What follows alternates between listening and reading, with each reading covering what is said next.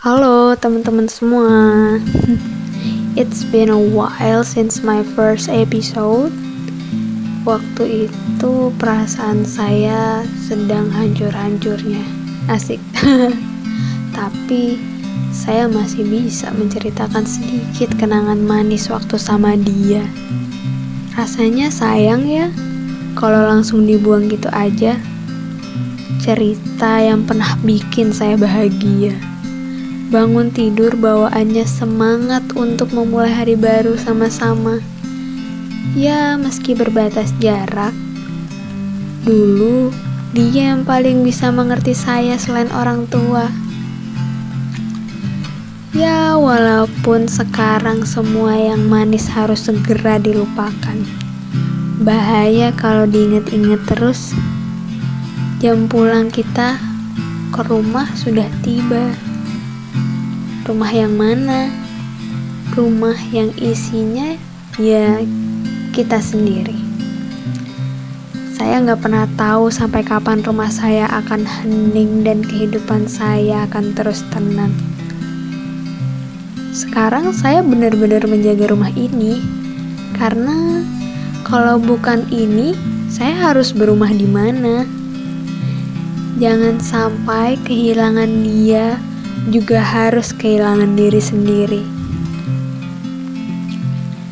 Selama saya hidup, kayaknya baru sekali suka sama orang duluan. Dan itu hampir tujuh tahun. Dia udah gonta-ganti pacar berkali-kali.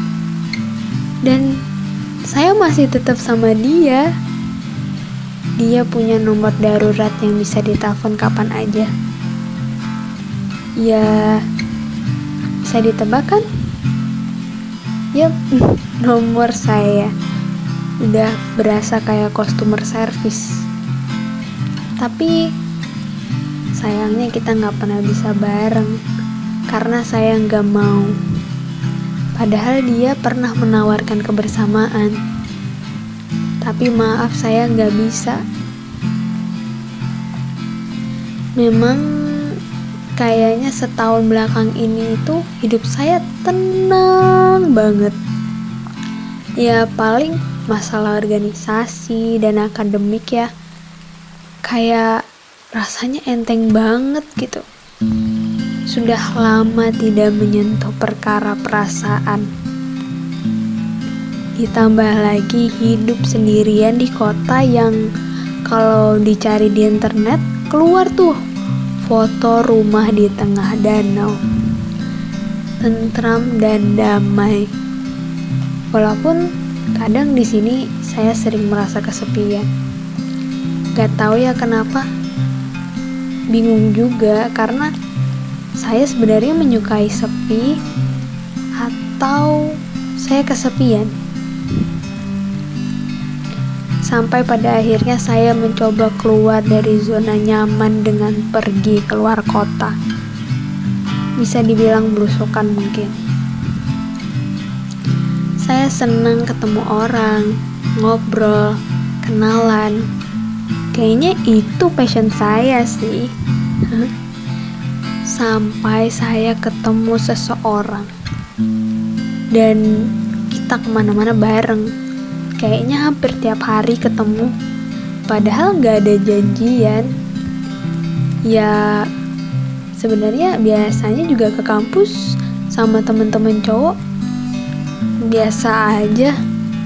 Awalnya juga ini saya nggak ngerasain apa-apa. Sampai semua itu terasa nyata ketika saya balik ke kota asal saya. Ada perasaan yang aneh yang saya sendiri nggak ngerti. Orang-orang sering bilang sama saya untuk menurunkan standar. Kriteria itu jangan tinggi-tinggi, Fir. Pantesan aja kamu sendirian terus. Saya baru sadar ternyata ada yang ngetuk pintu saya. Dan itu kamu. Kamu tahu, aku sebenarnya udah di depan pintu siap-siap untuk buka pintu. Tapi di situ aku ragu mau buka pintunya atau enggak. biarkan aku pikir-pikir dulu ya. Kamu bisa banget bikin aku seakan teman lama yang beberapa tahun baru ketemu lagi. Padahal kita nggak kenal, nggak saling kenal. Topik obrolan yang nggak pernah bikin saya bosen. Kamu yang cerdas, kamu yang jago multitasking antara nonton bola sama rapat. Dan kalau ditanya pendapat, kamu bisa mengutarakan dengan baik dan tepat. Opini kamu yang kadang aku gak kepikiran. Rasa aman yang kamu ciptakan ketika sedang sama aku, yang gak semua orang bisa kasih. Kamu yang sederhana dan apa adanya. Kamu yang banyak bikin aku mencentang kriteria yang sudah disiapkan listnya. Apa kamu orangnya? Kata orang, nikmatin aja masa PDKT-nya. Jangan buru-buru jadian. Soalnya PDKT katanya seru ya. Dan katanya juga mereka PDKT ada yang sampai setahun saya kayaknya nggak bisa tuh selama itu soalnya ya tipikal saya maunya yang pasti buang-buang waktu setahun tapi nggak pasti buat apa kalau ujung-ujungnya cuman dia DKK-in di friendzonin atau bahkan ditinggal tiba-tiba karena nggak jelas ini gitu kita ngapain sih hal-hal begitu tuh yang bikin saya suka overthinking malam-malam. Ini kayaknya saya sudah jatuh cinta sama kamu. Capek ternyata jatuh cinta lagi. Bingung. Ini sebenarnya kita ngapain ya? Kok bisa ya saya sama kamu? Ini kita bakalan terjebak di zona terlarang gak ya? Kamu juga suka sama aku apa enggak? Kenapa sih bawaannya dak dikduk mulu setiap berkirim pesan? Santai aja dong jantung. Dan semuanya cuma bisa dijawab nggak tahu. Kira-kira begitu kondisinya. Maunya nggak usah mikirin, tapi ya tetap kepikiran. Soalnya tiap saya bikin Instagram story, dibales terus, ditelepon tiap hari dengan cara yang unik.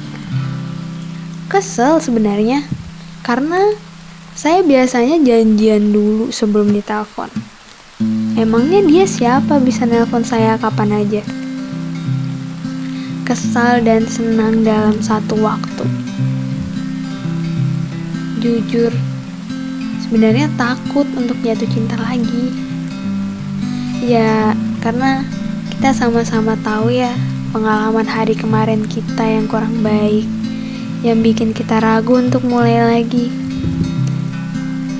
Ini tuh jatuh cinta dalam waktu singkat. Dalam waktu sebulan, saya bisa jatuh cinta sama kamu. Tapi perkara jarak memang tidak pernah mudah. Aduh, gak tahu ya saya bingung harus nanya atau enggak nanya masalah perasaan. Maunya kamu yang duluan cerita tanpa harus ditanya. Saya belum siap kalau harus kehilangan kamu dan rasa senang itu begitu cepat.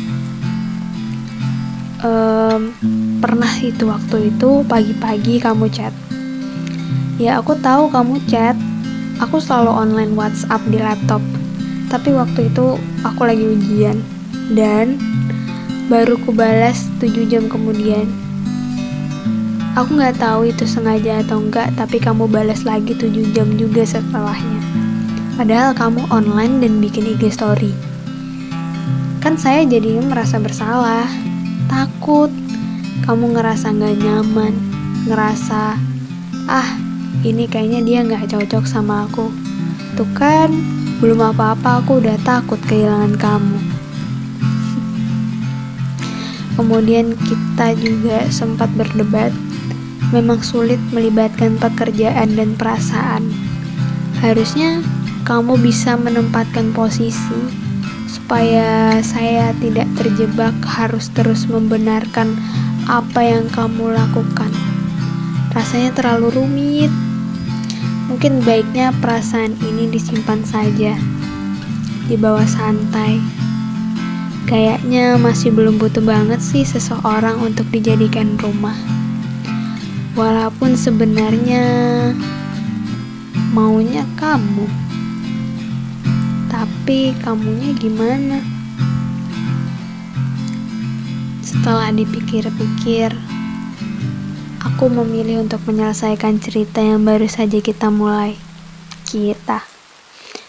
Atau mungkin cuman aku aja yang mulai karena kamu membingungkan. Kita lihat saja sampai kapan perasaan ini akan terus ada. Dicoba untuk mengikhlaskan, soalnya nanti aku yang kesulitan. Sepertinya cukup dengan aku buat cerita, walaupun kamu gak bisa diajak membuat cerita sama-sama. Cukup dengan melihatmu tersenyum walau nggak bisa jadi alasan buat kamu bahagia. Aduh, kok kelihatannya aku sadga banget ya? Belum apa-apa udah nyerah. Ya, karena kamu nggak berhasil membuatku siap untuk jatuh cinta lagi. Nggak apa-apa, kan kalau belum siap jangan dipaksa. Lebih baik berbenah diri dulu supaya ketika ketemu lagi kita sudah dalam versi terbaik kita atau mungkin memang bukan kamu orangnya silahkan dicoba lagi ya